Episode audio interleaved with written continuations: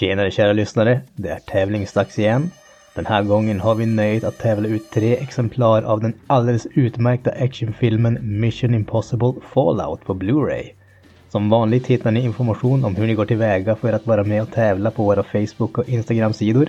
Vi önskar er alla lycka till och kastar oss in i vårt vanliga avsnitt där vi bland annat snackar om bröderna Coens nyaste film, The Ballad of Buster Scruggs.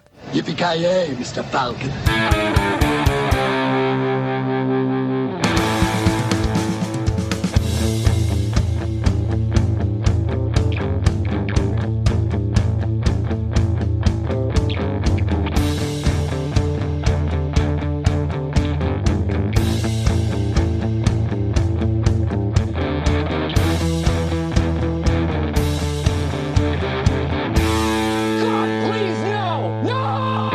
Jajamensan gott folk, hjärtligt välkomna till ännu ett avsnitt av Creative Meltdown Podcast. Jag med mig, Kalle.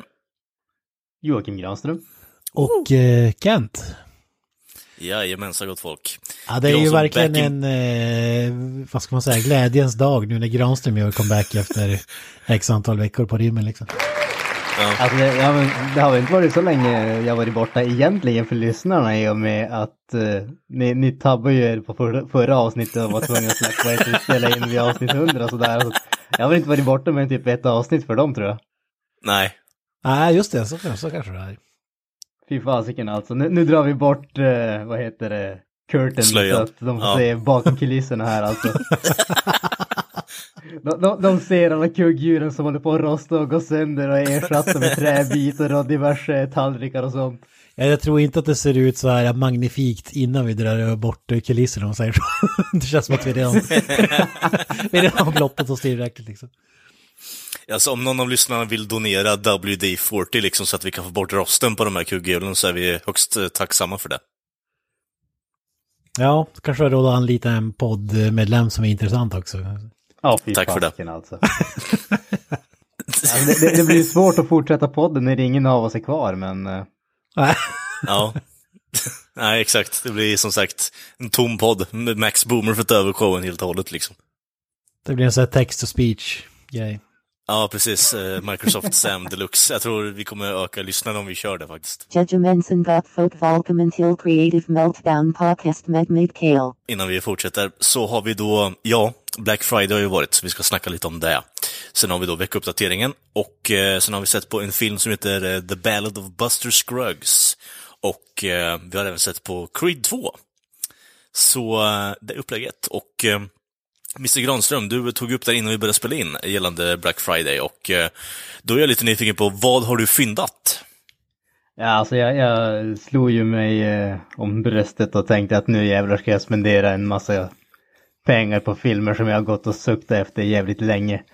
Och så sen så insåg jag ju att ah, fast det fanns ju en massa andra grejer som jag också ville ha som de hade rea på på Black Friday så att det blev inte så mycket filmer i slutändan. Men men, jag köpte i alla fall eh, Jurassic Park-boxen för 199 riksdaler med alla fem filmerna som hittills har släppts. Tyckte jag var ett helt okej pris och jag är ju något av ett fan av den filmserien så att eh, det kändes ändå helt okej. Och så sen så vart det ju givetvis eh, årets bästa film, The Shape of Water, 59 spänn. Fy fan. Fan, fan, fan vad billigt. Alltså att du inte hade Jurassic Park-boxen, det är nästan underbetyg för din eh, fandom här eller? Alltså problem, problemet med det har ju varit att det har kommit så jäkla många olika Blu-ray-versioner och det har varit remasters och sådana grejer där som inte vet liksom vilken är den vettiga versionen att, att köpa egentligen. Eh, och nu när det ändå, ändå fanns allting i en box och man får hoppas att det är liksom senaste uppdateringarna av allting och hela köret så ja, då slår jag till. Vad finns det mer? Det finns ju, alltså Jurassic Park 3D finns ju första filmen och gjorde i efterhand, den gick väl på bio till och med också, men fi- finns det något mer liksom? Har de gjort som i Star Wars, att de har gjort de specialeffekterna och sånt där, eller, eller vad är det för någonting? Nej, nej, jag tror att det har varit om man säger vad, vad jag förstår, och det här kan vara helt av skogen fel också, har det väl varit att det har varit väldigt varierande kvalitet på Blu-ray, Blu-ray-releasen och så har de väl använt en annan master eller någonting åt det hållet så att det ska Ah. vara bättre kvalitet på de nyare. Så att det, det är egentligen bara det så jag har inte varit säker på vilken variant man ska köpa för de har ju släppts ett antal gånger också. Man inte har inte haft koll på vilken som har varit bra kvalitet och vad som har varit mindre bra kvalitet och sådär. Ja, just det. Ja, det är ju alltid mäckigt när Det, det, man är ska köpa det, boxen. det, det är liksom. det som är djungeln.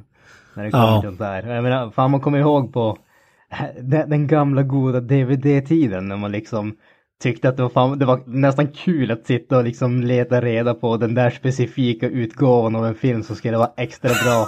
Och nu, nu känns det som att jag vill bara ha filmen i bästa kvaliteten. Ge mig ett alternativ så är jag glad ungefär. Allting annat då blir jag bara sur och irriterad så köper jag det inte istället. Jag har sagt den här versionen har en ny intervju som jag aldrig kommer att se så jag måste köpa den här utgåvan också. Ja, men precis. Extra Alltså material. ärligt talat, Jag kom ju förbi den här uh, limited edition-fasen av livet. Det, det, är, det, det är den enklaste utgåvan så länge den är bra, då, då, då köper jag den, men annars så. Jag är inte mer extravagant än det numera jag menar det känns som att det är väl typ på något sätt filmfantastens medelåldersgrejs eventuellt om det nu kommer till den punkten, att man köper flera olika versioner bara för extra materialet. Jag vet inte, jag kommer nog aldrig komma, jag har aldrig kommit in i det där, så det, det känns som att det är någon form av slipper slope som väntar mig i så fall kanske då. För det, jag fattar inte konceptet nu direkt. Ja, fast jag tror, jag tror att för mig så är det ju det där att förut så hade jag faktiskt tiden att eh, sitta och kolla på allt det där extra materialet och jag hade tiden att kolla på filmen en extra gång för att lyssna på kommentarspåret och någonting sånt.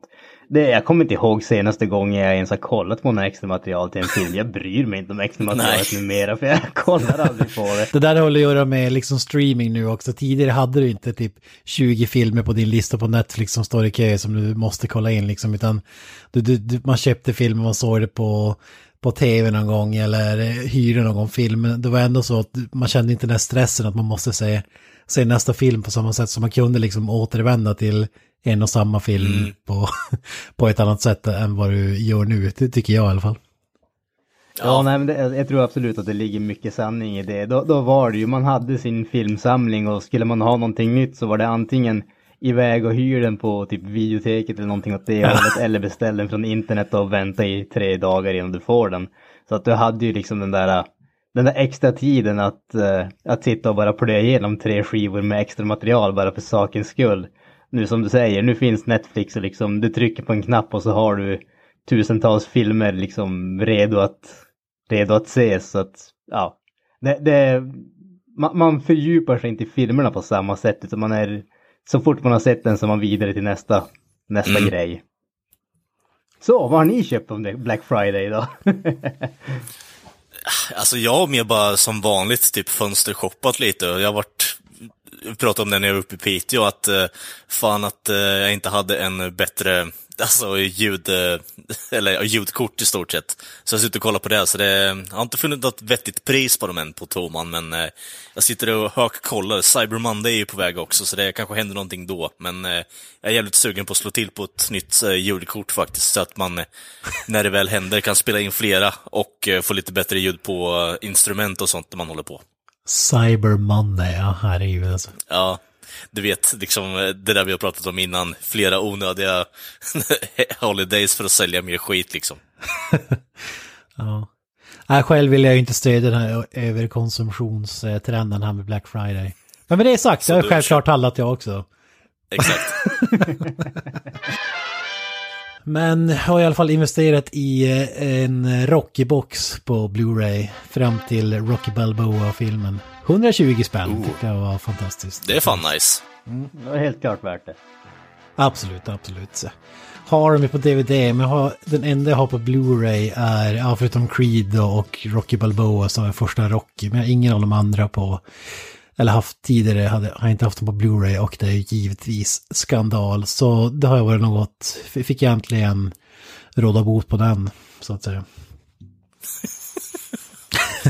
Ja, alltså jag måste säga att jag, även om jag är att skylla på lika mycket som er andra måste jag säga att vi, vi var ju jävligt tråkiga med vårat Black Friday-shoppande. Det var liksom två, två stycken filmboxar totalt. I hela podden. Yay! Scream for me Long Beach! Scream for me Long Beach! Kalle, vad har du gjort i veckan? Eh, den här veckan så har jag då sett på eh, filmen vi pratat, kommer att prata om senare. Eh, sen så har jag även djupdykit lite i eh, eh, klassisk punkträskt eh, har jag gjort. Ehm, så jag har eh, lyssnat på mycket Sex Pistols bland annat och eh, eh, ja, kan man säga. Jag lyckades, i då min fascination kring det här bandet som jag hade lyssnat på innan, men tagit upp igen då, lyckades jag hitta en Classical Albums dokumentär på YouTube. Och för er som inte har koll på det så finns det ju en hel del, massa sådana dokumentärer. Det är en brittisk dokumentärserie. Eh, har man tur så hittar man några på YouTube och eh, det finns bland annat om eh, Ace of Spades, eh, Motörhead-albumet där. Eh, Sen finns det även om Wish You Were Here med Pink Floyd och liknande. Jag tror de har även på något Maiden-album där också. Jag tror det är Number of the Beast. Fy fan. Men det är ju då en dokumentärserie som eh, Hunted Amber och i det här fallet så kollar jag då på Nevermind eh, the Bollocks, Here Comes the Sex Pistols liksom. Och eh, ja, kommer in lite mer på djupet gällande bandet och eh, på något sätt hur de har bildats i slutändan och eh, ja, men rent musikaliskt hur de har blivit funtade på ett sätt. Eh, och för er som känner till Sex Pistols så vet ju säkert folk vem eh, Sid Vicious är. Eh, kanske det mest kända, bortsett från Johnny Rotten. Eh, Basist som eh, fick hepatit C och dog eh, genom en överdos eh, och det är väl typ det han är mest känd för. Fun fact när man, i den här dokumentären då, är ju att man kommer fram till, och spill the beans så att säga, att gitarristen är ju den som har lagt alla, alltså typ musikspår egentligen, bortsett från trummor och sång. Så han har ju han har lagt bas, han har lagt, lagt harmonier och det. Eh, och det man får reda på är att, ja men Sid Vicious har inte gjort ett skit. Han kunde knappt fucking spela bas liksom.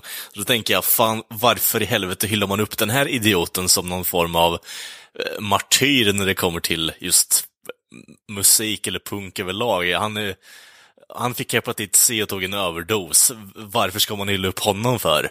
Eh, jag vet inte riktigt, är det någonting ni har hört om gällande Sid Vicious annat än den här relationen han hade med Nancy och skit, eller? Ah, jag måste ju erkänna att jag har ju typ noll koll på det bandet. Eh, Mm. Bortsett från som sagt som du säger att han dog. Det, det är ju typ det som man har koll Mm. på. Men jag kan ju inte påstå att jag har någon som helst kon- eh, koll på deras musik eller någonting sånt. Så att Mm. har gått mig helt förbi ska jag ärligt erkänna. Ja, det är ju väldigt enkel musik överlag i alla fall, men jag tycker ändå det är jävligt catchy och första, äh, första och enda albumet är väl, eh, det är ju en staple egentligen, alltså det, är- det är väldigt bra grejer runt omkring i det albumet faktiskt. Men eh, jag tyckte det faktiskt var jävligt intressant att eh, Sid Vicious inte hade lagt någon kreativ alltså, ståndpunkt i det albumet överhuvudtaget. Eh, speciellt eftersom att när jag tolkar att någon blir hyllad och omnämnd så pass mycket så borde de ändå kunna göra någonting, men jag kan inte ta en enda not för fan låter det som på de som eh, eh, tar upp det här i dokumentären.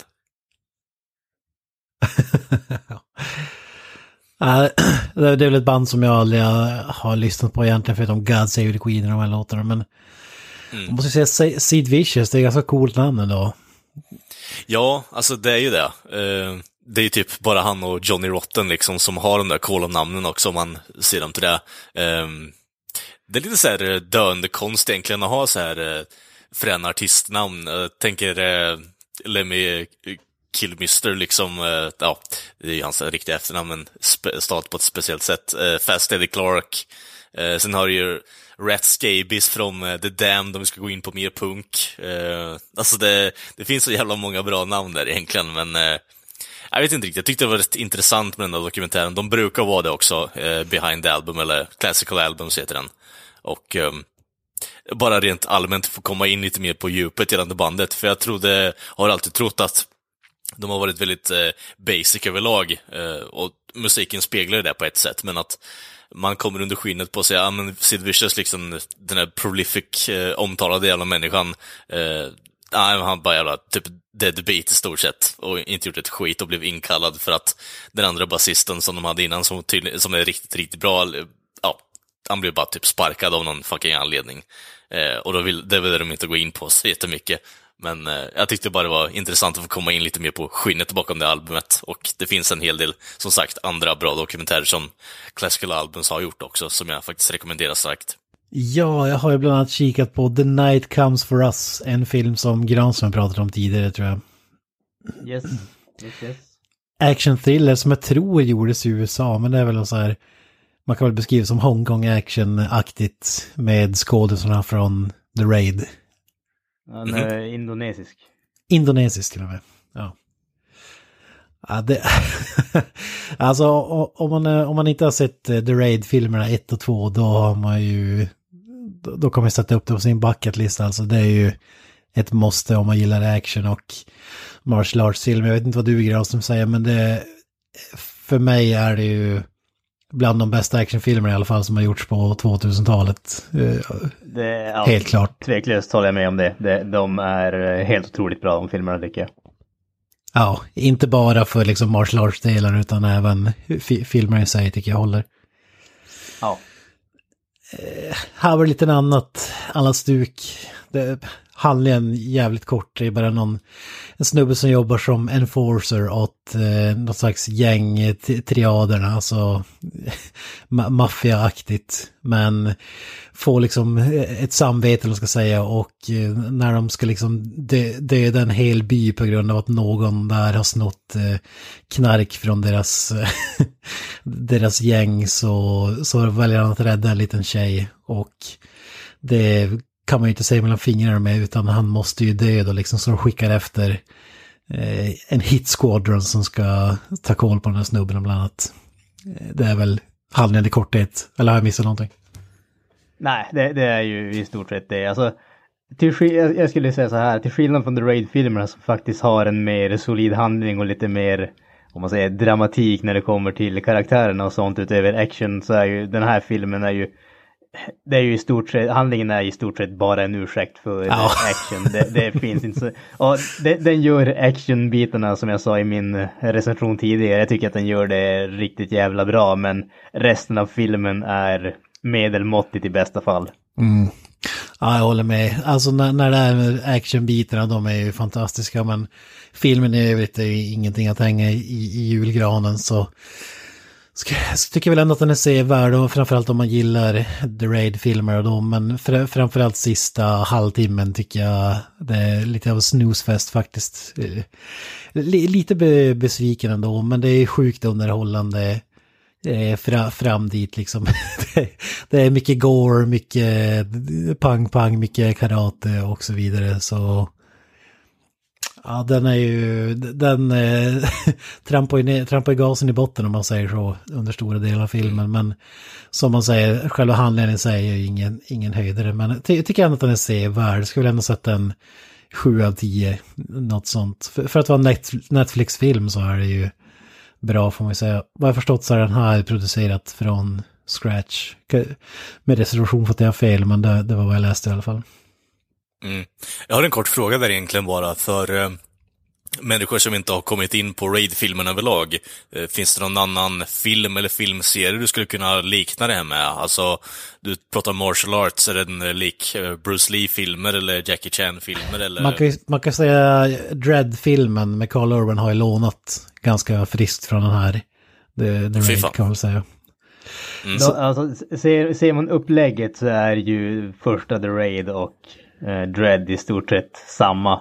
Skillnaden är ju att Dread har vapen och eh, The Raid så är det kampsport. Ser man till om man säger, se, ser man till eh, stilen på, om man säger, på kampsportsbiten, alltså jag vet inte om det finns så det jättemycket att eh, Ja, den är ganska unik alltså.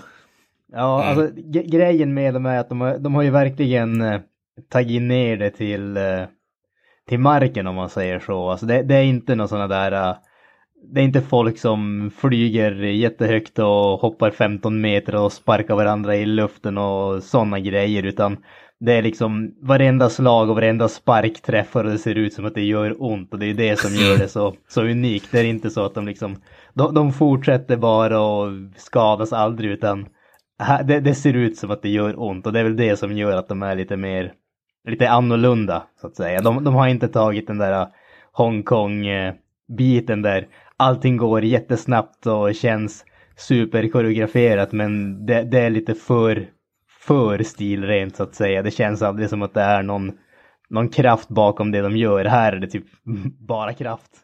Okej. Ja, det är lite så här, eh, man undrar liksom hur många skador eh, har, har skådespelare dragit på sig, eller stuntmän eller vad man ska kalla det, under den här inspelningen. Men jag skulle vilja, jag skulle jämföra, jag skulle vilja påstå att Daredevil-serien har snott mycket från den också. Just den här okay. hallway fighting-scenen där i första säsongen till exempel. Ja. Ja, ja definitivt. Om man tänker sig den scenen som var typ bästa med hela säsongen. Eh, om du skulle dra ut den över en hel film, det, det är typ The Raid ungefär, fast bättre. Det, ja, det känns ändå på något sätt att det, det är en filmserie som jag skulle vara sjukt intresserad av, så jag får nog fan ta och eh, leta reda på den om jag ska vara fullt ärlig.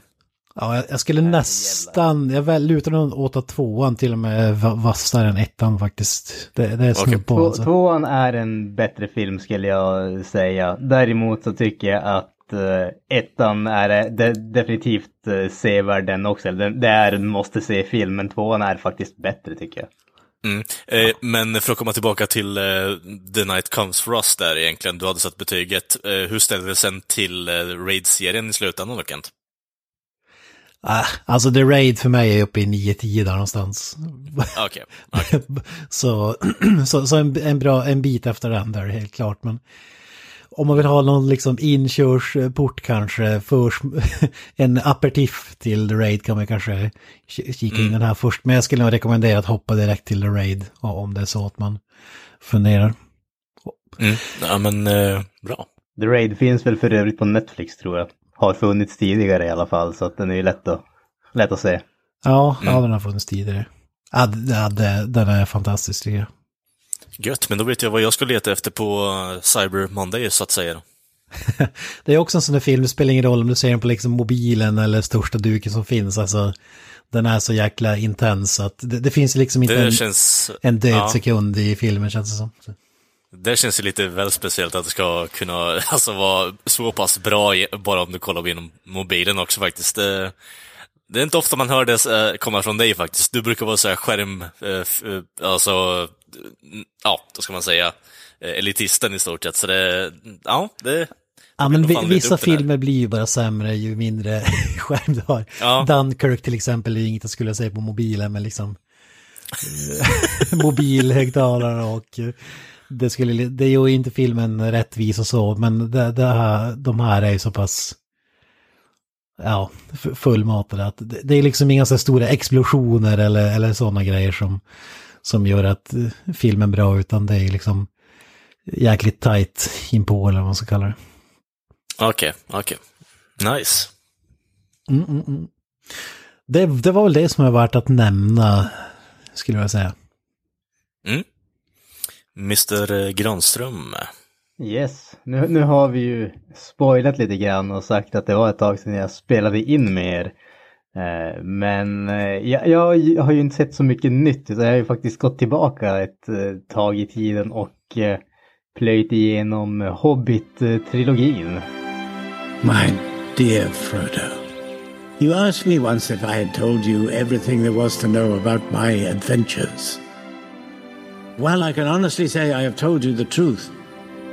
I may not have told you all of it. Bilbo Baggins. I'm looking for someone to share in an adventure. I can't just Ja, incoming eh, sk- eh, skitning från Åh, Kent här nu hör jag. herregud. Jaha. Var det någon sån här Alltså, självplågeri-grej eller? Nej, alltså gre- grejen var, jag, jag fick någon sån här uh, fix idé att jag skulle se Sagan om ringen igen. Jag var så här extremt sugen. Och Mm. sen kom jag på att jag har ju inte sett den senaste Hobbit-filmen. Av orsaken att jag inte tyckte om de första två. Och då var det ju att, ja men då ska jag se den. Fast då måste jag ju se de första två för jag kommer inte ihåg vad som hände. Så att då blev det att, uh, som sagt, jag plöjde igenom hela trilogin. Åh, fy fan. Eh, Hur många timmar är det totalt? Har du någon aning? uh, de är väl ungefär tre timmar styck. Mm, som eh, vanliga Sagan om ringen där typ, så nio timmar. Ja, där- Nio där- timmar av ditt liv du aldrig mer kommer få tillbaks. Ja. alltså ifall det är någon som mot förmodan inte vet vad Hobbit-filmerna är så är det ju alltså prequel till Sagan om ringen som nämnt. Den, även den här gången regisserat av eh, Peter Jackson.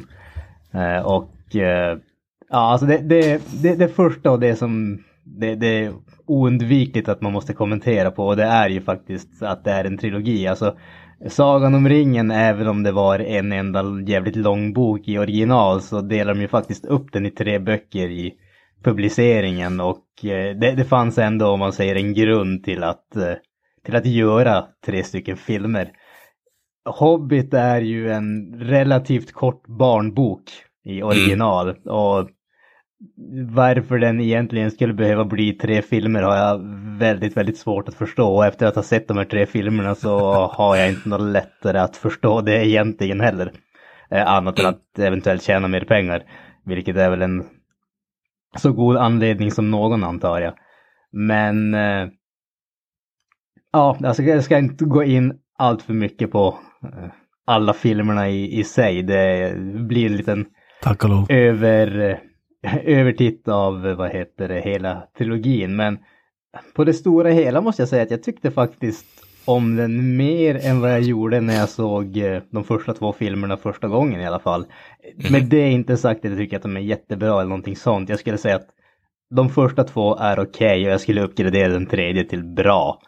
Eh, och alltså det, det är ju de- den här trilogin är extremt schizofren tycker jag när det kommer till tonen.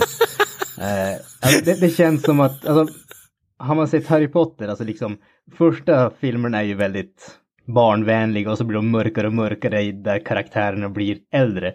Och det känns ungefär samma sak i den här, eh, den här, de här filmerna. att Första filmen är väldigt eh, ja, ljus och glad och barnslig och andra filmen är lite mörkare och tredje filmen det är liksom en krigsfilm.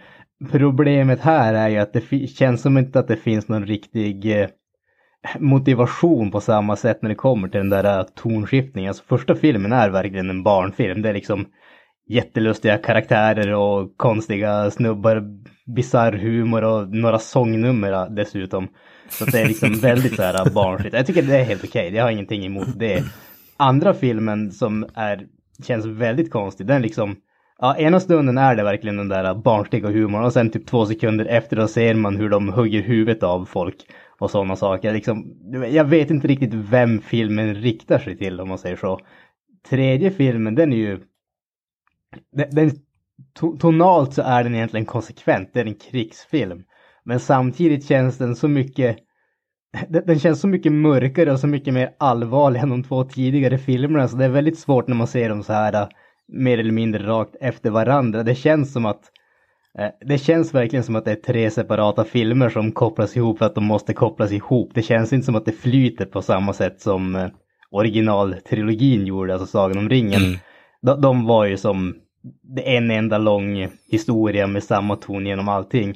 Här känns det som att ja, första filmen är en grej, andra filmen tar vid men är en helt annan grej och tredje filmen är en helt annan grej igen.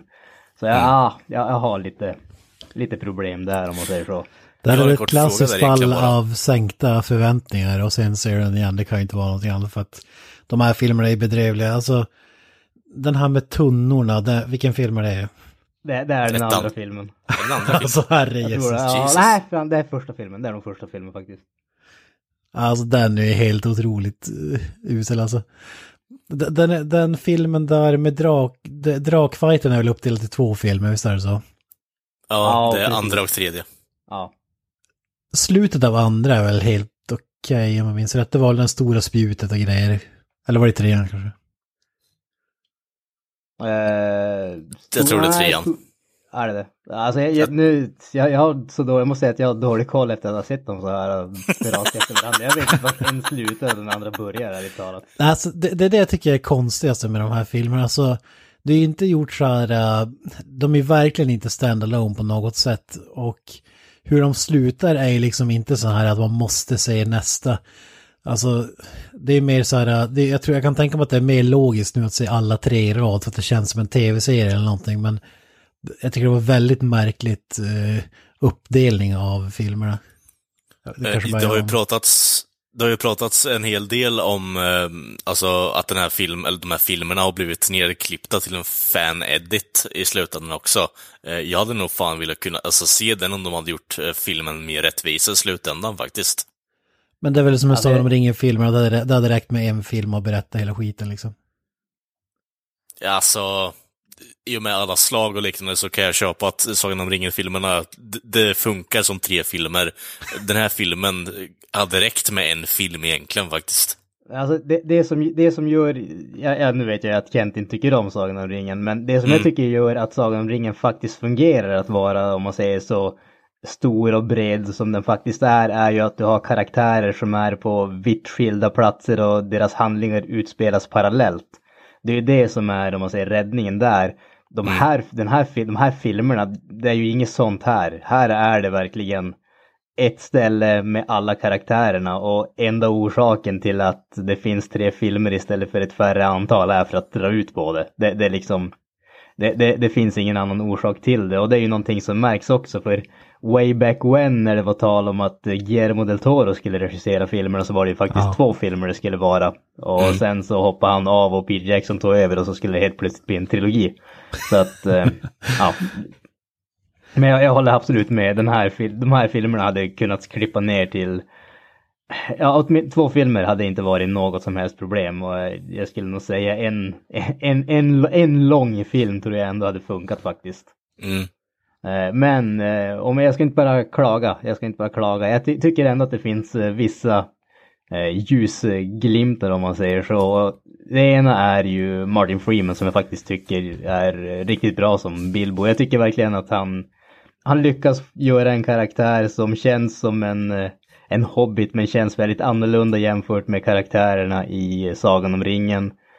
Och jag tycker han är som, ja, han är som kul, han är den där lite inte äventyrliga snubben som ändå lär sig att vara en lite modigare och äventyrligare snubbe. Och jag tycker om det. Han är som lite...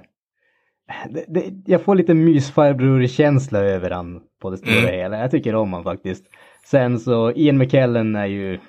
Han är som hemma som Gandalf. Han har ju gjort det så pass mycket så att det känns som att han vet vad han håller på med. Det är inte någonting som är spektakulärt men han är liksom... Han är solid utan, utan att sticka ut. Jag tycker ändå att han är han är en bra skådis, han är underhållande att se. Sen är det ju vissa, eh, vissa andra som dyker upp här och där från de tidigare, eh, från tidigare trilogin också som är, det, det är väldigt mycket fanservice men jag skulle ljuga om jag sa att jag inte tyckte att det var lite kul att se dem igen också. Mm.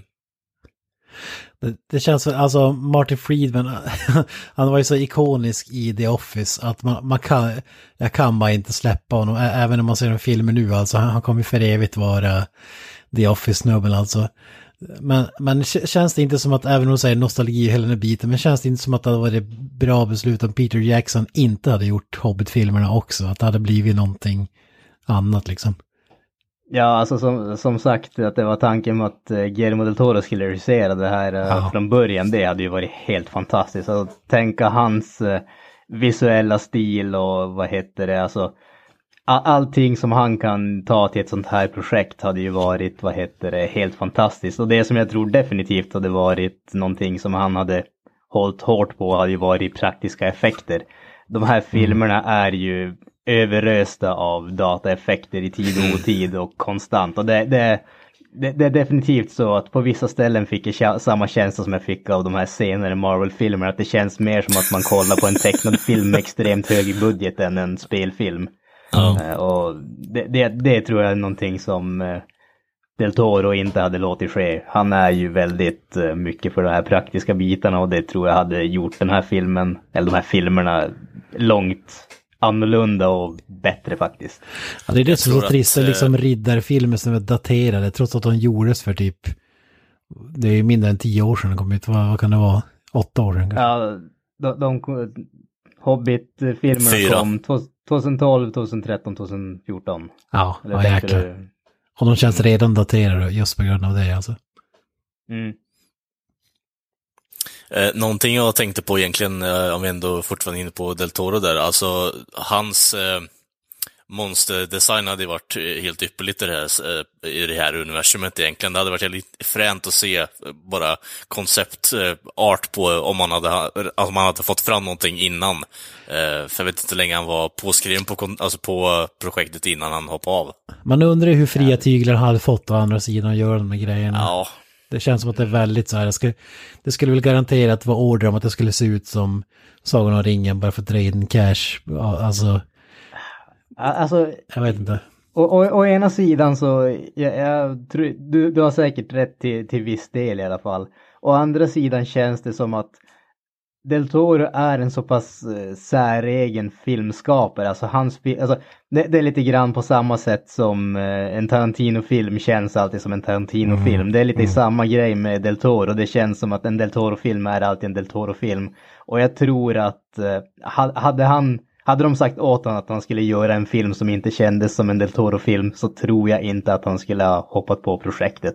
mm. Vi går vidare från det här hade jag tänkt, eh, för jag har ju faktiskt eh, gjort lite annat också. Jag, jag, eh, jag var lite wild and crazy och eh, jag sa faktiskt upp via Play och eh, HBO Nordic. Jag tänkte jag, trodde, att... eh, jag trodde du sa att du skulle, eh, jag trodde du skulle säga att du hade sagt upp det från jobbet. Vad fan. Ja, jag trodde också det liksom. Satsa på podden Nej. fullt ut. Eh, Riktigt så wild and crazy har jag inte varit.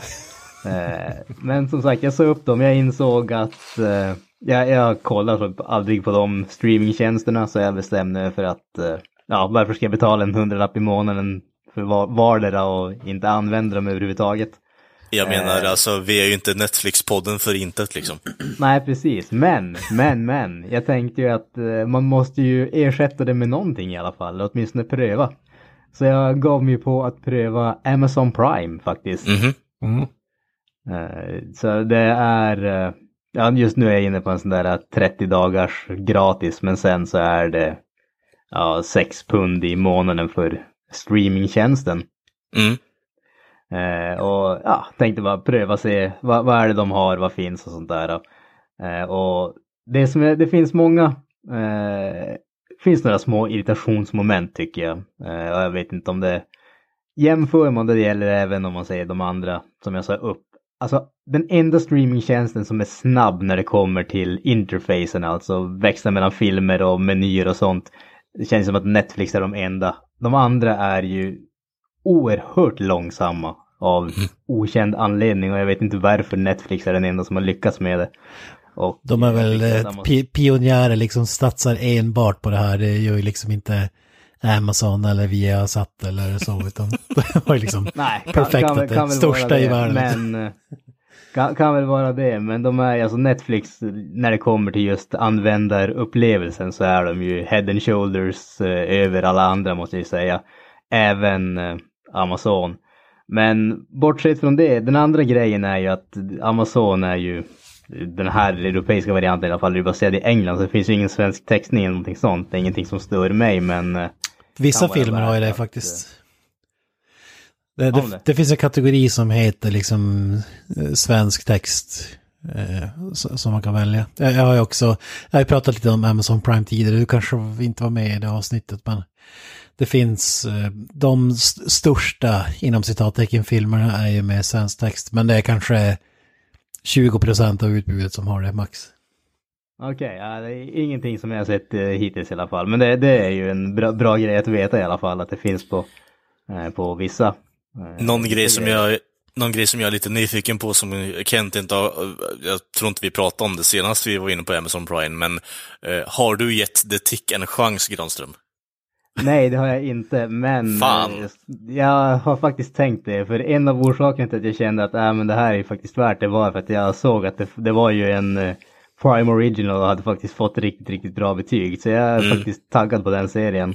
Jag är Eh. faktiskt eh, väldigt mycket i valet och kvalet om jag ska hoppa på den där prövotiden också, för jag är så jävla sugen på att se serien faktiskt. Mm. Alltså det, det som faktiskt, eh, det, det som egentligen fick mig att känna att okej det kan vara värt att pröva det, är ju det här att när, när det kommer en film eller när man hör talas om en film, första stället som man kollar på om den finns på Blu-ray eller DVD är ju i stort sett Amazon. Även om det liksom, ä- även om jag inte vad heter det, köper den därifrån, Bara för att se vad det är, för det finns alltid recensioner, det finns bilder på fodralet och allting sånt. Så att Amazon är ju som första anhalten och att, eh, att man ibland då bara kan klicka vidare och se filmen direkt via Prime är ju, det, det gör det ju oerhört simpelt. Så att det var mycket det som, eh, som lockade faktiskt. Jag måste säga att jag tycker ändå om, eh, jag tycker om upplägget. Det enda som jag riktigt stör mig på är ju att eh, den här blandningen mellan eh, det som är, ingår med Prime och det som du måste betala extra för tycker jag är eh, det, det är väldigt störande det upplever jag de här grejerna som du måste betala extra för. Det, det är typ, känns som att hälften av grejerna är i, i deras meny är sånt jag måste betala extra för och det stör mig lite grann. Det finns en sånt här uh, included with Amazon Prime som du kan, vad heter det, klicka på och där det bara sånt men då vad heter det, då försvinner ju en massa andra urvalsgrejer och sånt där. Alltså jag tycker att, jag förstår absolut, de är intresserade av att sälja så att de har ju ett de har ju ett intresse av att man ska klicka på de där sakerna som du måste betala extra för, givetvis, jag förstår det, men det, det förstör användarupplevelsen lite grann tycker jag. En fråga, har Det du, låter lite som, det låter eh, som att du sitter och, i typ webbläsaren, du har inte appen eller? Eh, Jag har det både på datorn och på PS3 och PS4. Så att jag har Ah. prövat alla varianterna. För jag tror i, i appen som bara har streaminggrejen, då tror jag inte att det finns någon så här betala extra.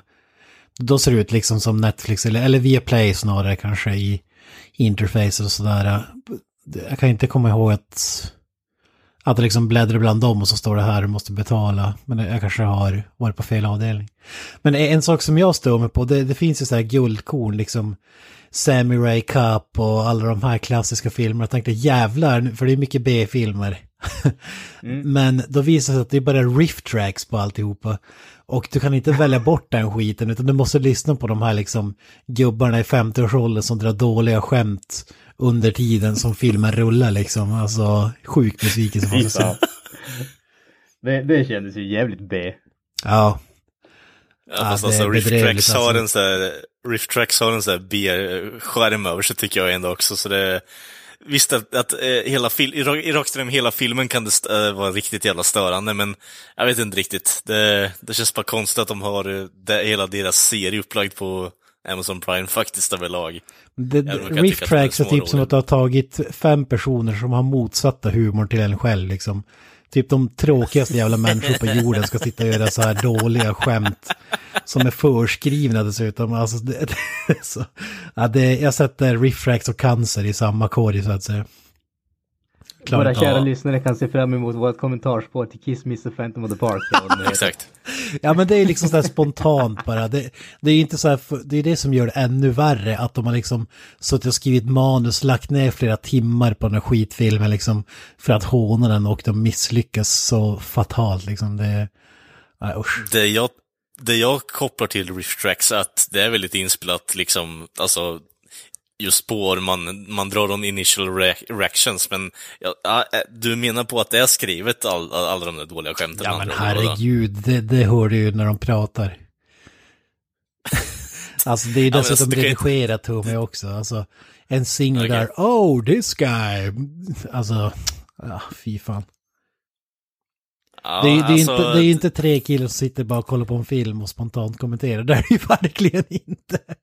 Och om du tror det det, låter- då är det ju rude awakening måste jag säga.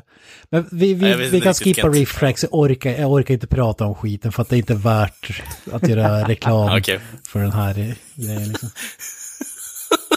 Det är ingenting som är värt att besöka kan vi säga. Ja, Jag måste erkänna att mi- mina erfarenheter av Rift Tracks är extremt eh, begränsade så jag har inte så mycket att tillägga på den biten. Eh, Men jag ska inte eh, mala på allt för länge om Amazon Prime heller. Jag har ju precis skapat det, jag har pre- precis gått med det så jag är fortfarande som sagt på den där eh, gratis provperioden. Men jag kommer definitivt att kolla in och se om det är, är någonting för mig i alla fall. Så att vi kanske ska hoppa vidare till Ballad of Buster Scruggs. Buster Scruggs!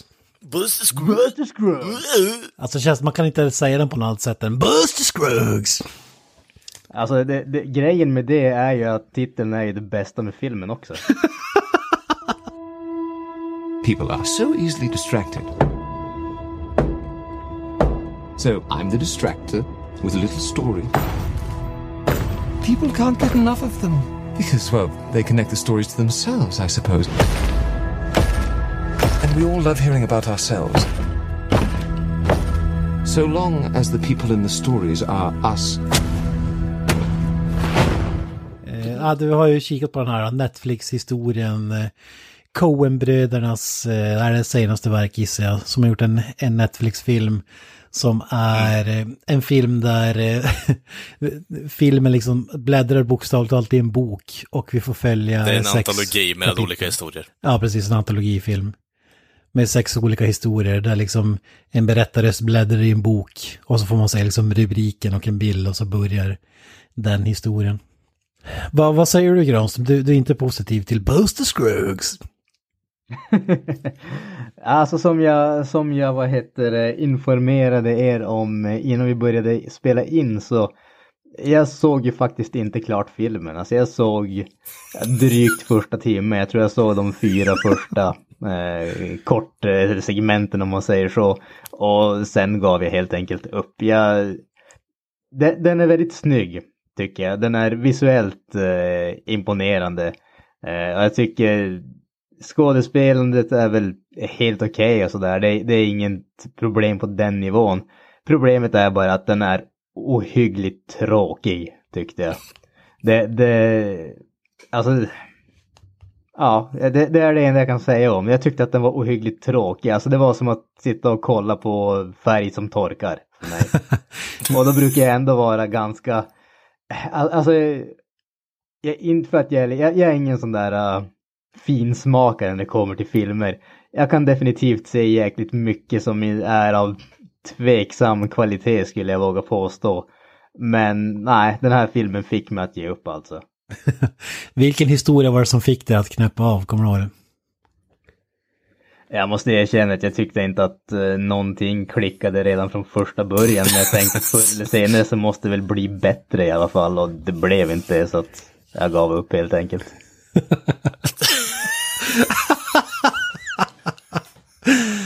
Ja, Jesus. Ja, jag, jag har ju sett hela filmen då. Mm, jag med. Eh, ja, med, med reservation för att under en del som jag tyckte var sjukt tråkig så, så gjorde jag någonting annat under tiden. Men...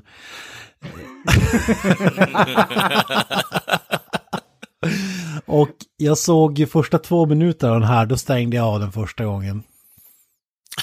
Jag kände bara, nej, det här är ingenting för mig alltså. Oh, were you Men, in for a eh, rude awakening där känner jag. Ja, jag var tvungen att ta mig samman liksom och överväga, är det värt att... Ja, fan, I take one for the team alltså, så vi, får, så vi kan snacka om den i, i podden. Så, så jag plöjde vidare. Och, men jag måste säga, efter det måste jag... Ja, ni vet ju, jag är ju inte heller någon finsmakare och helt plötsligt så... Det är ju western-tema på alla, jag vet inte om jag sa det. Men he, helt plötsligt så... det börjar med att en snubbe, Buster Scruggs, eh, si- sitter och spelar eh, gitarr på en häst i typ, det känns som att det är 20 minuter men det är kanske två minuter. I'm Buster, Buster Scruggs. You shoot ironwork. Appears to do, Och yes. eh, sen, sen kliar han av och så helt plötsligt blåser han skallen av en snubbe och då växer mitt intresse. Då, då tänker jag det här är right up my alley liksom. Alltså fy fan. Det, det är liksom no, noll attention span men så fort de börjar skjuta varandra i huvudet då är det intressant. Ja, ja men det är faktiskt så. Det är, tra- det är, lite tragiskt men sant. jag, ska, jag ska inte klaga, jag är typ likadan. Alltså. Ja. Och det var ju graphic också, det, så det var ju stora pluspoäng. Så tänkte jag, ja, nu jävlar. Så, men jag var ju inte riktigt med på hur många historier som skulle avverkas. Jag hade ingen aning om det innan filmen. Och jag måste säga att till slut, eh, efter en, en kvart in ungefär, då, då, då tycker jag att, ja men fan, det ska bli kul att följa den här karaktären. Tycker jag ändå det verkar li, lite kul. Quirky är väl rätt ord för den här filmen. Det är väl Coens Ja. trademark ungefär. Men eh, ja, hastigt och lustigt så tar det ju då slut och så kommer vi en ny, ny del som inte är lika bra och det blir väl i princip sämre och sämre tycker jag. Men det, det är ganska kända skådespelare med och den här snubben eh, har ju varit med i Ti- Tim Blake Nelson som spelar Buster Scruggs himself. Han har varit med i Oh Brother Where Art Thou och The Minority Report, Fantastic Four, fantastisk CV. Men han, han, det, det tyckte jag var den bästa delen. Jag gillade även eh, James Franco-delen tyckte jag var helt okej också. Mm. Och, Den skulle jag säga var den bästa faktiskt. ja, ja jag, jag, jag gillar nog den första. Panshot! Så jävla bra. Bara your first time liksom. Sen den här med någon som skulle gifta sig, det var ju bland det sämsta jag sett. Liksom. Då, då gick jag och gjorde någonting annat under tiden. Sen var vi tillbaka, jag tyckte Liam Neeson är med och har en historia också och det var ju en besvikelse tycker jag att han var ju snubben som spelade den andra personen som Liam Neeson reser runt med var jag tyckte var bra men Liam Neeson var en sjuk besvikelse och när den historien tog slut så kände jag bara att ah fy fan vad dåligt det här var. men det hade liksom... Men tog slut på ett bra sätt i alla fall. Ja, jag, Ja, vet, det jag vet inte om det var så bra faktiskt. Men Jag, jag, jag kände att det var lite grann en vink till publiken där, alltså liksom. Stäng jag tänkte av. att hade filmen slutat där så hade det ju varit eh, genialt. Det känns som att på något sätt hade det varit eh, kanske en smidigare historia att avsluta filmen på. Eh, om man nu ska ha med alla de här historierna. ärligt talat så kommer jag inte ihåg den sista ens. Vad fan var det? Eh, stagecoachen va? Ja, ja, den, den tyckte jag faktiskt om. Den tyckte jag faktiskt om. Ja, Sitter och snubbar med David Crockett mest och grejer. Den, var helt okej ja faktiskt. precis. Men sammanfattningsvis så är det liksom, det är ingen film jag skulle rekommendera någon att se eller sådär, men... Eh, Solitt hantverk som vi brukar säga här i. Det, Mm. det, det är ganska bra gjort men det är inte så jätteunderhållande förutom lite våld här, här och där som, som lyfter, lyfter betyget. Vad tycker du då Kalle? Du, du har ju varit lite tyst här så att säga. Ja, jag har ju låtit er eh, prata och eh, på något sätt ställt motfrågor på något sätt och byggt vidare. Men eh, jag, jag tyckte faktiskt om filmen överlag. Buster Scrugg- Scruggs-segmentet är ju så här bara... Det är så typiskt Coen-bröderna liksom att eh, jag pratar in i kameran, eh, det är bara extremt quirky bara, då känner jag bara, hmm, någonting kommer hända här nu, för det, det är ingen Coen-film utan att det inte kommer hända någonting. Mycket riktigt, som Kent säger, skallar blir, blir avblåsta och han är eh, en, eh, ja, ska man säga, han är en, eh, eh, fan heter det? Ah, Han, är- han, är, han är överlägset bästa karaktären i, i min bok i alla fall. Det, det Ja, absolut. Han, han Eh, växte han är från, från noll till en eh, sjua kanske. Ja, men eh, han är ju i stort sett eh, the songingbird of Sansoba, eller vad fan han kallas liksom. Och så är han en eh, eh, dödlig jävla duellist samtidigt också. Eh, så det, jag tycker att det är bra, på något sätt, det är bra paralleller där egentligen. Eh, Ja, exakt. bra, Han, han var, ju- hade ju så här hundra smeknamn. Och eh, Ja. gillade ju inte alla och vissa tyckte han var svinbra liksom. Som du säger, smooth talker hela tiden. Eh, sju, Mm. prickskytt, eh, snabbast i, på att dra i västern nästan. Mm. Och, ja, och så vidare. Ja, det, det, var en bra karaktär tycker jag. Lite väl så här eh, överdriven kanske, men tycker ändå att det var underhållande. Jag tror ändå på något sätt hade man kunnat basera hela filmen, eller en hel film på honom i slutändan, men eh, det känns mer som att Coen-bröderna kastar ut lite koncept här, som de skulle vilja göra filmer om, om du förstår hur jag tänker. Ehm, och jag tror att eh, väldigt många av dem skulle ändå fungera i slutändan också. Sen så är jag med Vem på vill att... inte eh, se en två timmar lång film med en snubbe som gräver hål vid en bäck? Ja. Snack, snacka inte skit om Tom Waits nu, jag tyckte det här segmentet var jävligt bra faktiskt också. Seriöst? Det- jag tyckte det det var underhållande. jag. Tyckte det var underhållande. Oj. Tom Waits var ju inte någon höjdare i min bok, måste jag säga. Jag tyckte, han var, jag, tyckte det var, jag tyckte det blev bra där, speciellt när han eh, ja, hittade det han ska ha åt. Och, När det eh, blev våldsamt menar du? Nej men alltså det blir bra Ja, uppbyggnad på våldsbitar det. Man, alltså. man sitter ju där och väntar, det är det som alla de här segmenten är egentligen. Det är ett Man stort... sitter och väntar på våldet. Ja, Men, det var ju precis ja, så. herregud. Herregud. Storytelling uselt, handling uselt, våldet bra. Nej, jag tycker storytellingen är bra i och med att du kan inte bara ha klimaxet på det sättet. Det, du måste på något sätt ha en mening bakom det också egentligen. Men eh, Jag vet inte riktigt, jag tyckte om filmen. Jag säger att, eh, jag tycker att segmentet som du pratar om med giftermålet och liknande Kent, det var, det var fan den svagaste delen med hela filmen fan. faktiskt. Då var jag nära att stänga av Eh, också kan jag säga. Ja, men det... Jag vet inte riktigt. Överlag så tycker jag ändå att... eh, jag vet inte riktigt. Det, det är ju så typiskt Coen- Coen-bröderna egentligen, den här filmen. Så det, jag tyckte verkligen om den, för jag tycker om flera av deras andra filmer. Så det är right up my alley i slutändan faktiskt. Kul idé, men... Men- kanske inte så bra produkt, skulle jag vilja säga. Nej, men jag tror... For- var inte på samma nivå som idén. Nej, precis. Nej, nej. Men, men jag tror i slutändan så känns det här mer som ett... Eh, vad kan man kalla det? Att man kastar ut det. Eh, bara för att se om det finns någon form av intresse kring de här korthistorierna. Eh, Kasta det mot lås- väggen och se vad som fastnar. Exakt. Ja, det är liksom, ja, Men, när eh, Netflix kommer typ, ja vi måste göra en westernfilm, ni har två månader på er. Ja, vi har liksom fem idéer som spånar fram, jag vet inte vilka som är bra. Ja, men fan, gör allihop. Så. Ja, men precis. Men eh, jag, tror nog, jag tror nog att det lutar mot något sånt egentligen i slutändan, om vi ska vara fullt seriösa. Men i så fall så tror jag egentligen att eh, Buster Scruggs är någonting de måste göra en eh, längre version på i slutändan faktiskt. För det, den karaktären är för jävla intressant att kolla på faktiskt. Men nu är vi ju, vi är lite outliers här känner jag. Alltså, som sagt, vi, vi har inte varit, vi har inte tokhyllat den här filmen på något som helst sätt. Men har man kollat på, eh, på recensioner, på betyg, på Metacritic och Rotten Tomatoes och sådär så har den fått Mm. väldigt, väldigt bra kritik. Så vad, vad, vad, är, vad tror ni det är gör som, eh, vad, vad är det som gör att den har fått så, så bra kritik? Är det någonting som vi missar eller är det bara att eh, folk har tungan upp i Coen-brödernas rumpor ungefär? Ja, men för det första är ju Rotten Tomatoes känd för att det liksom, kanske inte köpta kritiker på det sättet, men de väljer ut vilka kritiker som ska få säga sitt först och så, och så får de bra, bra procent liksom. Och det har varit mycket så här äh, skriverier om fake reviews och så vidare. Kommer upp samma recensioner fast med andra användare liksom. Alltså, mycket, Mm. det, är, det är liksom ingen sida att, att lita på i, i mina ögon i alla fall. Men, men jag tror ju absolut, som du säger, Coen-bröderna, det är lite så här quirky speciellt. Eh, en film som sticker ut och då vågar man kanske inte såga den. Eh, det är det vad jag tror i alla fall. Jag tror på något sätt att, som Kent säger, alltså, de har producerat så jävla mycket bra filmer innan så att man, eh, man lutar sig tillbaka på, säg, The Big Lebowski eller eh, Miller's Crossing eller eh, Brother Worth Out, Arv Out, liksom. Och så, ja, alla de där filmerna egentligen, och tänker tillbaka till det. Eh, för de är kapabla att kunna göra riktigt bra filmer, är de.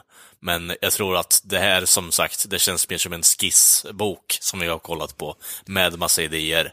Eh, och jag tycker att vissa aspekter av filmen kan definitivt förtjäna att hyllas på ett sätt. Eh, för jag tror att det kan bli väldigt bra koncept om man arbetar mer på dem. Men eh, just nu är det bara korthistorier och gällande koncept, eh, så jag vet inte riktigt. Det, Ja, alltså det- filmen Det- är som inte dålig så, men den, den är inte så underhållande. Alltså, det, det är inget där du samlar ett gäng grabbar och dricker bärs och ser på Buster Scruggs direkt. Alltså. jag tror nog på ett sätt skulle man kunna ha rätt mycket kul åt den här filmen om man samlar sig ett eh, grabbgäng och drack öl och eh, bara kolla på den här filmen faktiskt. Ja, men då, i så fall är det ett gäng med meme-tröjor liksom. Jag vet inte. Nej, jag, jag tror inte det. Eh, men, men, ja, så, som sagt, så lite hantverk. Jag skulle, jag skulle väl ändå sätta en runt en sjua strax under där kanske. 6,5, 7 däromkring.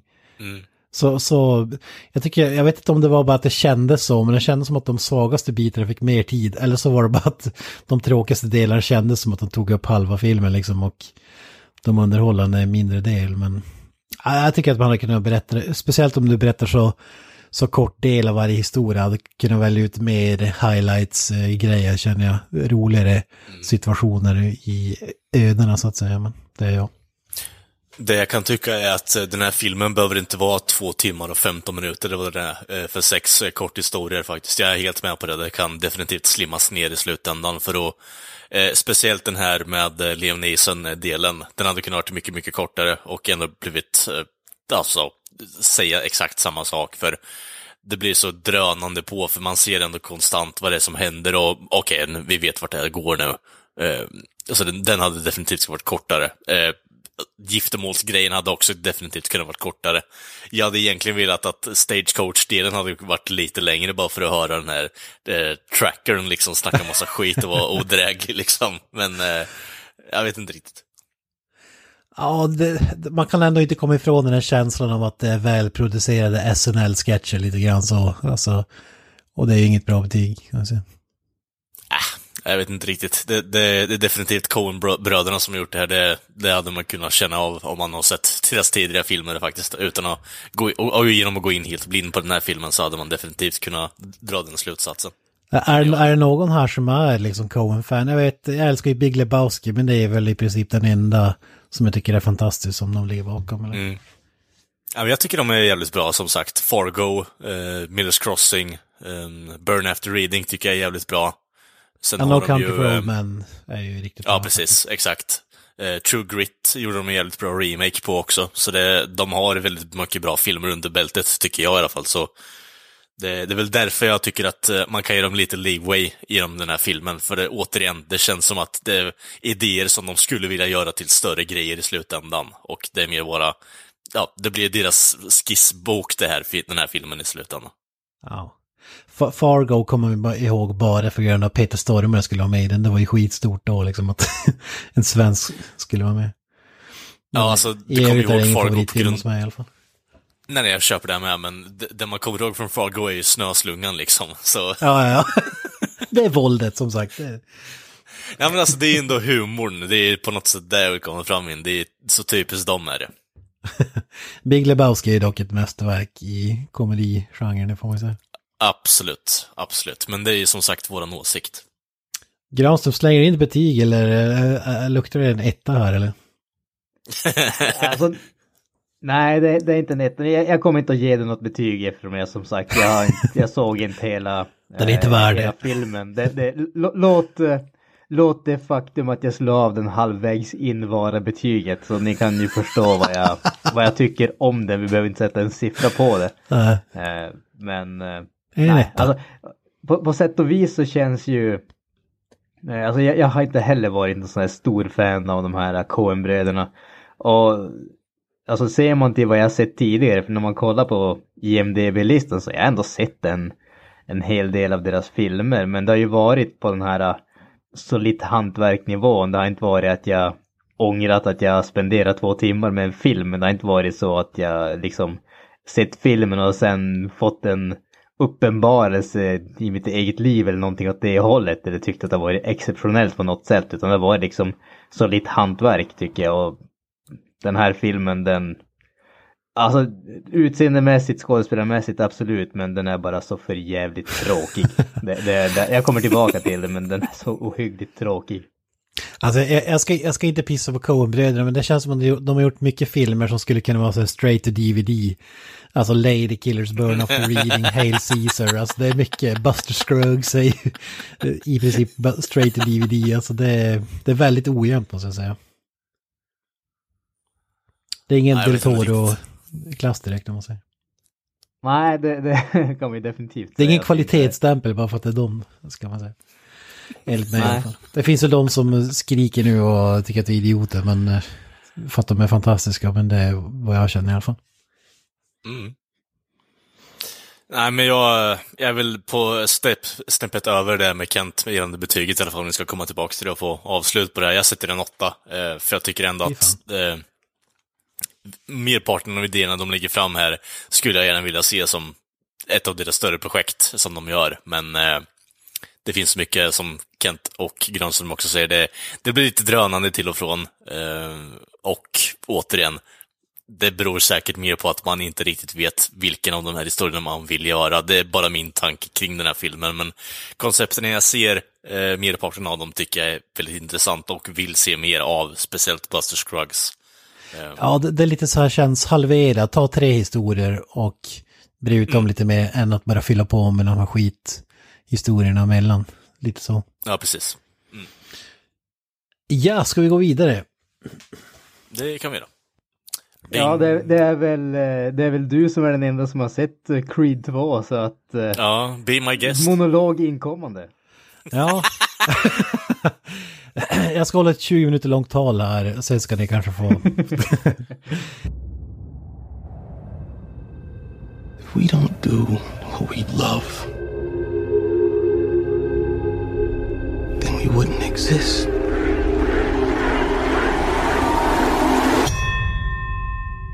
It's time, kid. It's like nothing really matters to him right now, including me.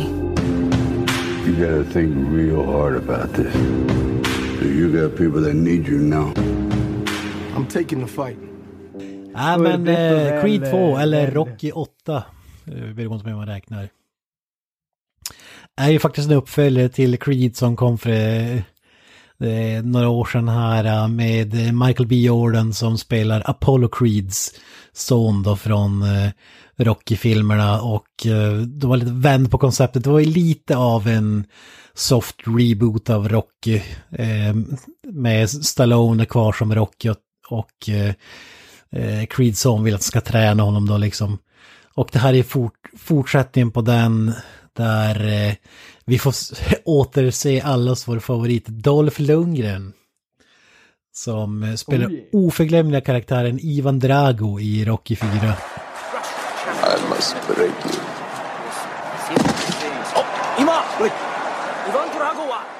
I must break you och så vidare. Och man kan säga att den här filmen är inte bara en uppföljare till Creed 1 utan även i princip direkt uppföljare till Rocky 4 också. Det är en, det är en skön blandning måste jag säga. Och här är det ju då Ivan Drago, Dolph Lundgrens son, som fightas mot Apollo Creeds son. Jag vet inte hur mycket man kan säga utan att spoila. Jag, vet inte om, jag vill inte spoila de gamla filmerna heller om det är någon som vill återvända dem till dem. Men det, det är väl ingen hemlighet att de flesta vet ju om att Apollo Creed som spelar av Carl Weathers eh, var ju Rockys motståndare i gamla filmer och sen blev de polare.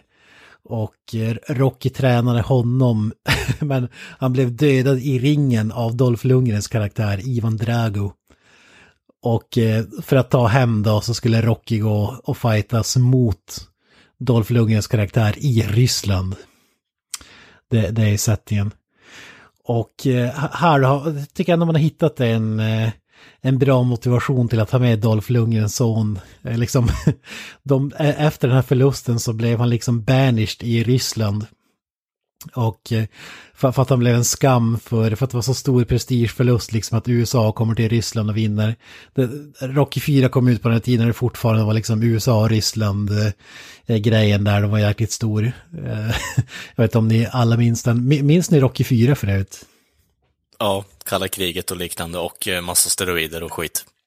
Alltså jag måste ju säga att i stort sett det enda jag kommer ihåg av den filmen det är ju vad heter det träningsmontaget och jag har väl ett vagt minne av Ja. att Sylvester Stallone står på typ en köttbit Hearts on fire, Fra, framförallt så bär han ju, framförallt så bär han ju timmerstockar i, i Ryssland i snö liksom. Det är, ja, det är ju bäst, bästa just- träningsmontaget i en film någonsin skulle jag vilja säga. Mm. Det, det man älskade med, alltså Rocky-filmerna, de var ju jäkligt, de är ju mer draman så här än underhållning. Men Rocky 4, den kör ju, den körde bara iväg. Den är ju den mest, vad ska man säga, orealistiska. Alltså där var det ju, det är ju en helt annan film än egentligen alla övriga Rocky och Creed-filmer liksom. De har en helt annan ton.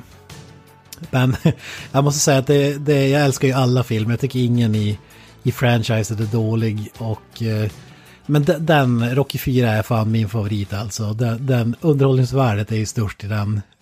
Och sen kan, man väl, sen kan man väl egentligen ta den i ordning de är gjorda. 4, 1, 2, 3 och så vidare. För om man säger klassen på dem. Men jag är ju ett jäkligt stort eh, Rocky-fan. Alltså det är ju, har ju präglat större delen av ens uppväxt. Man, man nötte i de här filmerna till förbannelse. Men ni har inte riktigt samma relation till Rocky då vad jag förstår. Jo, jag har sett på filmerna väldigt ofta faktiskt, så det, det tycker jag att du tar tillbaka på en gång. Okej, jag lät inte som att du var så imponerad av Rocky 4, men vad, vad har du för relation alltså, till Rocky? Ja, men alltså jag har ändå sett på dem när de har kommit upp på tv och sen så har man ju liksom på ett eller annat sätt umgåtts med människor som har sett dem väldigt mycket och då blir det så här genom osmosis att man har sett på dem och på ett sätt så tycker jag ändå att det är jävligt bra filmer faktiskt. Så jag kan inte riktigt klaga på dem och Rocky 4 är en underhållande film, men min favorit eh, är och kommer alltid vara tvåan, för jag tycker att eh, det är på något sätt efter ettan så blir det så här bara, okej, okay, down on the luck liksom, man vill inte hålla på med skiten längre. Bara, jag måste få revansch för jag, alla snackar skit om mig liksom, så tar han sig igenom och vinner i slutändan faktiskt. Spoiler, på en eh, 70-årig film. ja, vad, säger du Johnson?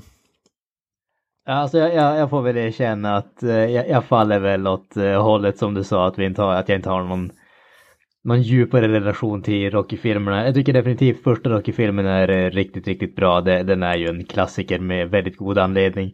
Jag tycker att fyran är eh, okej okay, i och med att det är Dolphin som är med, fast det är ju mer det som är behåll, behållningen än något annat i filmen. De andra filmerna kan jag i ärlighetens namn inte säga att jag kommer ihåg speciellt väl, måste jag erkänna. Ja, de har ju några år på nacken. Jag tror det är 42 år sedan ettan kom ut liksom. det är ett tag sedan. Mm. Jag menar alltså, om, någon, eh, om det finns någon annan fördel med The Rocky 4 så är det att du får se Sylvester Stallone med skägg för en gångs skull också. Det, det gör väldigt sällan. ja men det är liksom, den filmen väver som in så mycket alltså. Framförallt, alltså, det är ju, fighting-scenerna är ju liksom actiondelar, det är ju inte realistisk boxning i alla filmer, men den är ju liksom over the top där, så det blir lite av en actionfilm, du får den här revenge-filmen, du får den här redemption-delen, du får karaktärsutvecklingen och, eh, och fra, framförallt får du Rocky 4-roboten som liksom kommer med födelsedagstårta och grejer till mm. Paulie, det är fantastiskt. Alltså. Ja, och sen så blir det på något sätt eluderande till att uh, Paulie har sex med den här roboten också. Jag vet inte riktigt vad de tänkte kring det, men... Alla robotar är ju fantastiska alltså. Det var, ja, det, det... det var typ så att Stallones son ville ha den här, den här roboten och sa ja ah, men fuck it, vi köper den och så slänger in den i filmen. Så får liksom studion betala den ungefär. Fan, fanns tydligen på riktigt. ja, herregud. Underbart. Den är, det är ett random inslag om man säger så. Ja, lite. Alltså, det var jävligt kul också där, man tänker ju Ryssland är så här hårt och kargat och de tränar ju liksom utan te technology och USA är ju tvärtom. Men i Rocky-filmer då var det liksom Rocky var ute och sprang i skogen liksom och Dolph Lundgren var uppkopplad till en jäkla dator och grejer som liksom mätte slagen och att det var så high tech. Mm. det är lite kul twist på det hela. Shall we have a demonstration? Please do. Thank you. A normal heavyweight averages 700 pounds of pressure per square inch.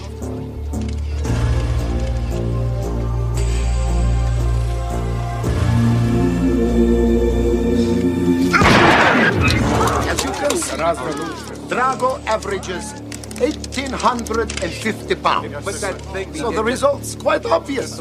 And what results are those? Whatever he hits, he destroys. Mm, och steroider och skit som sagt så. Ja, men jag tycker ändå de hittade, Creed 2 var ju, eller Creed 2, Creed 1 var ju otroligt jävla bra i min mening. Alltså den var ju mycket bättre än vad man trodde liksom, man tänkte så här, ja ah, okej, okay, det, det, ska vara liksom Apollo Creeds son, hur, hur, bra kan det vara liksom? Men det var ju, det var ju Ryan Coogler som, som kom med idén till, till Stallone som hade liksom, här är ett exempel på, vi har ju pratat om remakes tidigare, varför man gör dem och inte, han hade liksom en en bra idé för att han älskade Rocky liksom och hade en idé till en respektabel eh, fortsättning liksom, In, inte bara en sån här cynisk cash grab utan det var verkligen gjort med, med kärlek liksom till, till originalmaterialet. Så, så den, för Stallone har ju, han har ju i princip sagt efter varje Rocky-film, ja ah, men det här blir den sista, det här blir den sista. Och eh, den som heter Rocky Balboa, när han själv gjorde sin sista fight, kom ut på 2000-talet här det var ju tänkt att den ja. skulle bli den sista, men då blev hon övertalad att ja men vad fan, vi, vi kör den här för att det var så bra idé liksom. Ryan Coogler gjorde för övrigt Black Panther, det är väl det han är mest känd för kanske. Ja, precis. Inte lika bra får man ju säga. Nej, det går väl att diskutera om man är i den kretsen, men vi tyckte inte den var så jättebra kanske. Nej. Den här filmen byter regissör och det märks kan man säga. Steven Cable Jr. var väl ingen snubbe som jag hade koll på, på tidigare. Mycket eh, lite så här obskyra, men han, han, var väl i princip, eh, hängde väl med Ryan Coogler vad jag förstod så finns lite en koppling så. Men som sagt, jag tycker ändå att det låter så här på förhand liksom, ja okej, okay, Apollo Creeds son ska möta liksom Ivan Dragos son. Hur, hur fan gör man det här intressant? Utan att det blir liksom pajigt, men Eh, jag tycker att de lyckas riktigt bra. Som sagt, eh, Dolph Lundgren spelar, är ju, de är ju ryssar och har blivit banished från Ryssland för att det var så stor skam att de förlorade mot USA, hela den där biten och för att söka redemption då för att eh, de ska få deras namn tillbaka och få respekt och eh, få bo i Ryssland igen liksom. så, så vill han att hans son då ska liksom ge revansch och få den här eh, spöa upp, eh, ta revansch då för, eh, spoiler alert, eh, Rocky 4 där, där Rocky spöar upp eh, Dolph Lundgrens karaktär i Ryssland.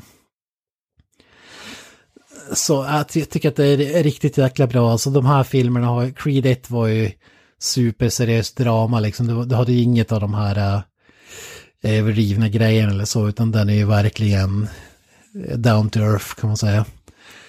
Eh, den här är lite mera, lite mer Stallone eh, eh action delar över den här, lite mera, känns mer som en Rocky-film. Creed, jo, Creed blev som en egen grej, snarare att man tänkte att det var en soft reboot av en Rocky-film.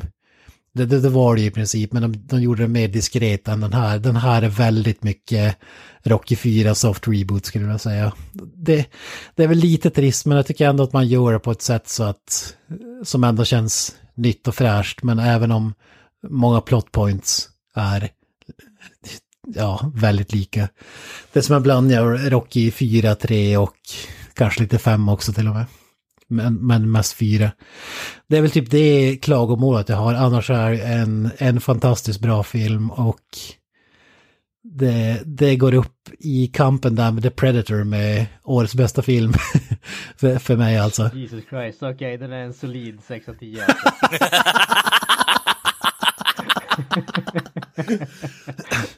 ja, det är svårt, alltså rent underhållningsmässigt då vinner ju The Predator på knock, det måste man ju säga. Men, men om man säger hur välgjorda de är så Country Creed, ja då kan den ändå mäta sig. Jesus Christ. Ja, som sagt, underhållningsvärdet till Predator är svårslaget alltså. Och det är det jag rankar högst när jag säger filmer liksom. Det behöver inte vara liksom så här supervälgjort eller tråkigt drama på liksom fyra och en halv timme för att utveckla en karaktär. Utan jag vill bli underhållen så att säga. Eh, uh, and, ja, jag vet inte vad, eh, vad man ska säga mer egentligen utan att det blir så här eh, monologaktigt och tråkigt men vi får ju bra, bra mon montage. Jag tycker däremot fighting boxningen i Creed 1 var filmat på ett grymt speciellt sätt som var liksom fantastiskt coolt. Lite one take-aktigt. Eh, här är det inte lika top notch där men det, det är runt omkring liksom eh, när fightersna kommer in till ringen och hela den här biten har liksom steppat upp ett snäpp istället så det är väl om man föredrar där och jag kan tänka mig för, för dig och mig Granström som ser mycket kampsport och sånt där. Jag, ja, jag ser, ser mycket boxning också. Alltså, det, det är svårt att få liksom se något sånt här och tänka att det är realistiskt. Men jag tycker ändå att man gör det så realistiskt som möjligt. Jag vet inte, är det ett problem för dig? Eller du kanske inte ser så mycket sportfilmer? Men... Alltså jag, jag har inget problem med, eh, med realism. Jag tycker snarare att eh, jag tycker snarare att det kan vara lite eh, refreshing så att säga, för det har varit så, så extremt mycket, vad heter det, over the top action som kom mer eller mindre med The Matrix och sen all den här Hongkong-inspirerade actionstilen som vi fick efter det. Så att, eh, att vi har fått en, kan man säga, lite grann av en tillbakagång till det som är lite mer realistiskt, lite mer groundat och lite mer eh, Alltså det känns med, slagen känns och den biten. Jag tycker om det, det behöver inte vara flashigt eller någonting sånt egentligen. Allting handlar om vad det är för film tycker jag. Alltså om du ska ha en film med roundhouse kicks, det är fantastiskt. Men alltså när, när det handlar om en sportfilm som ska handla om boxning, det är samma om du skulle göra en film om ishockey eller fotboll eller vad som helst. Alltså det är svårt att göra realistiskt och, och underhållande på film. Om man säger Rocky-fighterna är ju... Alltså Stallone är jäkligt boxningsintresserad. Han har väl till och med haft en så här promotion-aktigt inom boxningen. Så, att han har, de har ju varit hyfsat realistiska, men man kan ju inte säga liksom att någon står liksom matar eh, haymakers. en, en hel boxningsmatch skulle liksom aldrig hända och samma här när du ska träna inför fighten. Du skulle liksom inte låta någon krossa dina revben ungefär två, två timmar innan fighten när du värmer upp. Alltså typ sådana grejer. Ja, så, ja, det, det är mer sådana bitar som kanske men jag håller med, det behöver ju absolut inte vara realistiskt när, när det är liksom film, kampsport eller vad man ska kalla det, är någonting annat än verkligheten. Det, det går ju som att separera, men just det här när det om vi säger att skulle göra en film om liksom OS-brottning eller någonting, det skulle vara svårt att liksom se folk bara slänger iväg folk som i eh, The Raid ungefär. Även det måste ändå ha någon slags realism. Mm. Alltså det, det jag undrar lite grann här, nu har du ju pratat väldigt mycket om att den kopplar tillbaka till eh, Rocky-filmerna, eller Rocky 4 i synnerhet då. Tycker du att den här filmen står på egna ben eller måste man ha sett eh, Rocky 4 och Creed för att överhuvudtaget ha någonting ut av den? Att... Kanske det är fel person att fråga med tanke på hur stort fan du är av Rocky. Men... Ja, alltså men jag skulle ändå vilja säga att det står på egna ben eller jag tror det är bra att se första Creed kanske för att få få ut max liksom. Men det är inte så att du måste liksom plöja Rocky 1 till 6 för att kunna, kunna se den här filmen. Det, det skulle jag absolut inte säga. Det, det, är, svår, det är svårt där en två en, upp, en uppföljare att säga att ja, men, du, men jag skulle i princip säga att det skulle kunna jag, jag, jag, tror att du skulle kunna säga den här utan att, alltså skulle ändå få ut någonting av det, även om du aldrig har sett en Rocky-film eller, eller första Creed, det, det tror jag faktiskt får ju som förklarat på, får ju som recap då givetvis. Och jag tycker ändå att man löser det bra och eh, jag måste ju säga också att Dolph Lundgren är med väldigt mycket mer i filmen än vad jag trodde och det är ju ett stort plus i min bok också. L lite de, hans eh, son då, det är ju liksom en, eh, en boxare slash fitnessmodell om jag förstod det rätt en så här tysk-rumänsk snubbe och Dolph Lundgren och båda ska ju prata ryska. så de har mycket ryska lines, jag vet inte riktigt hur korrekta de är på om man skulle låta någon rysk snubbe ta över dem. Men det, det är lite synd, man hade velat höra Dolph Lundgren snacka, snacka mer engelska faktiskt. Han har lite grann, men inte så mycket som han hade önskat. Men de löser det mycket så här med minspel och man, man förstår ändå vad de vill få fram. Jag tycker det är gjort på, på ett snyggt sätt utan att det blir så här eh, pajigt eller känns som att, att de är... Alltså Michael B. Jordan är fantastiskt bra skådespelare, Stallone är också otroligt bra i de här. Han, han skiftar ju, han är ju inte liksom Expendables 3 eh, skådespelaren i Rocky-filmer direkt, utan han, han, gör ju någonting helt annat i, i de här filmerna. Och måste faktiskt säga att Creed 1, det är största Oscarsnubben någonsin, liksom att han inte vann fick en Oscar för den, för det var ju otroligt jävla bra. Han, han, är riktigt bra i den här också, men han är inte med lika mycket som han är i den, så, så på så sätt tror jag inte att han kommer bli nominerad. Men de gånger han är med liksom så stjäl han showen, måste man ju säga. Är riktigt bra alltså. Mm. Nice. Michael B. Jordan kan som inte praise honom tillräckligt. Alltså vi har ändå följt honom sen när han var liksom barnskådespelare i The Wire hela vägen. Alltså han är kanske inte allt inblandad i de bästa filmerna, men han, han kommer ju bli en, en riktig superstar alltså. Och man kan säga jäklar vad han har biffat upp sig till den här filmen jämfört med den förra alltså. Han är ju inte i närheten av Carl Weathers liksom bodybuilding-kropp, men eh, han... Eh, Äh, jäklar vad... Jag tror att han har gått Stallones skola med allt vad det innebär inför den här filmen. Fy fan. Hårda bud. Ja, jag kanske har eh, fått något kosttillskott eller någonting också. Det är inte helt omöjligt ska jag säga. Ja, eh, allegedly. Ja, ja precis. jag måste bara nämna här, det är en fantastisk cameo av Bridget Nielsen. Det var inte ett namn man hörde igår. Nej, det var jävligt oväntat och hon, gör en, hon är med i, i Rocky 4 också. Jävligt. De involverar henne i, i, i plotten liksom. Eh, på, på ett jäkligt eh, underhållande sätt måste jag säga. Det är lite oväntat, man vet inte, jag vet inte hur det var on set liksom för att Stallone har väl varit till och med gift med Bridget Nielsen ett tag vill jag minnas. Yes. Det var väl i princip så att hon skickade nakenbilder på sig själv till honom och efter det blev de tillsammans. om jag, jag vet inte om det är skröna eller sanning men det är ju vad säger Jag inte, sist jag hade koll på det så var hon ju tillsammans med äh, rapparen Flavor Flav liksom. Så. Ja, de träffades på, så, Yes. de träffades Ja. på så här celebrity rehab eller vad fan det heter. Yes. Jesus.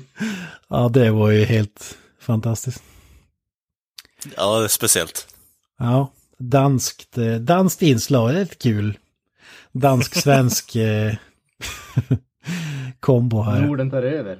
Ja, ja det, det, det måste jag säga var ju ett finurligt. Eh, Men om man ska slänga upp en siffra då, jag, jag sätter 9 av 10 känns, känns inte som att jag tar i då.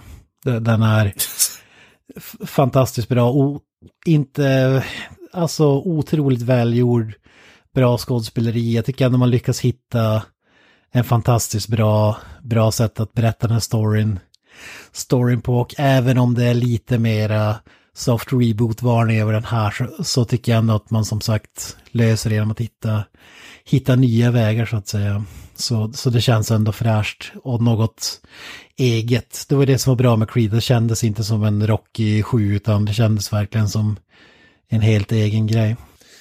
Ja, ja, vi stänger igen butiken då som sagt. Eh, jag kan inte rekommendera. Alltså det, det var ju jävligt glest i salongen så att säga. Så, så jag tycker absolut att den, eh, den är värd att se på bio. Jag skulle rekommendera den otroligt starkt. Även om det inte är sportintresserad eller så, utan det, det är bara en riktigt bra film. Nice. Yes, men då så gott folk, då har ni lyssnat på ännu ett avsnitt av Creative Meltdown Podcast. Vi finns ju på sociala medier som Facebook, Twitter, Instagram och YouTube. Finns även på Spotify för er on the go. Sen har vi vår egen hemsida. Den heter creativemeltdownpod.wordpress.com. Och eh, ja, kommer upp lite käcka recensioner och annat fränt material där. Så eh, ja, avslutande ord grabbar innan vi stänger in butiken helt. Sinu, save us all. I must break you. Oh, up the irons. Bye bye. That's it, man. Game over, man. It's game over.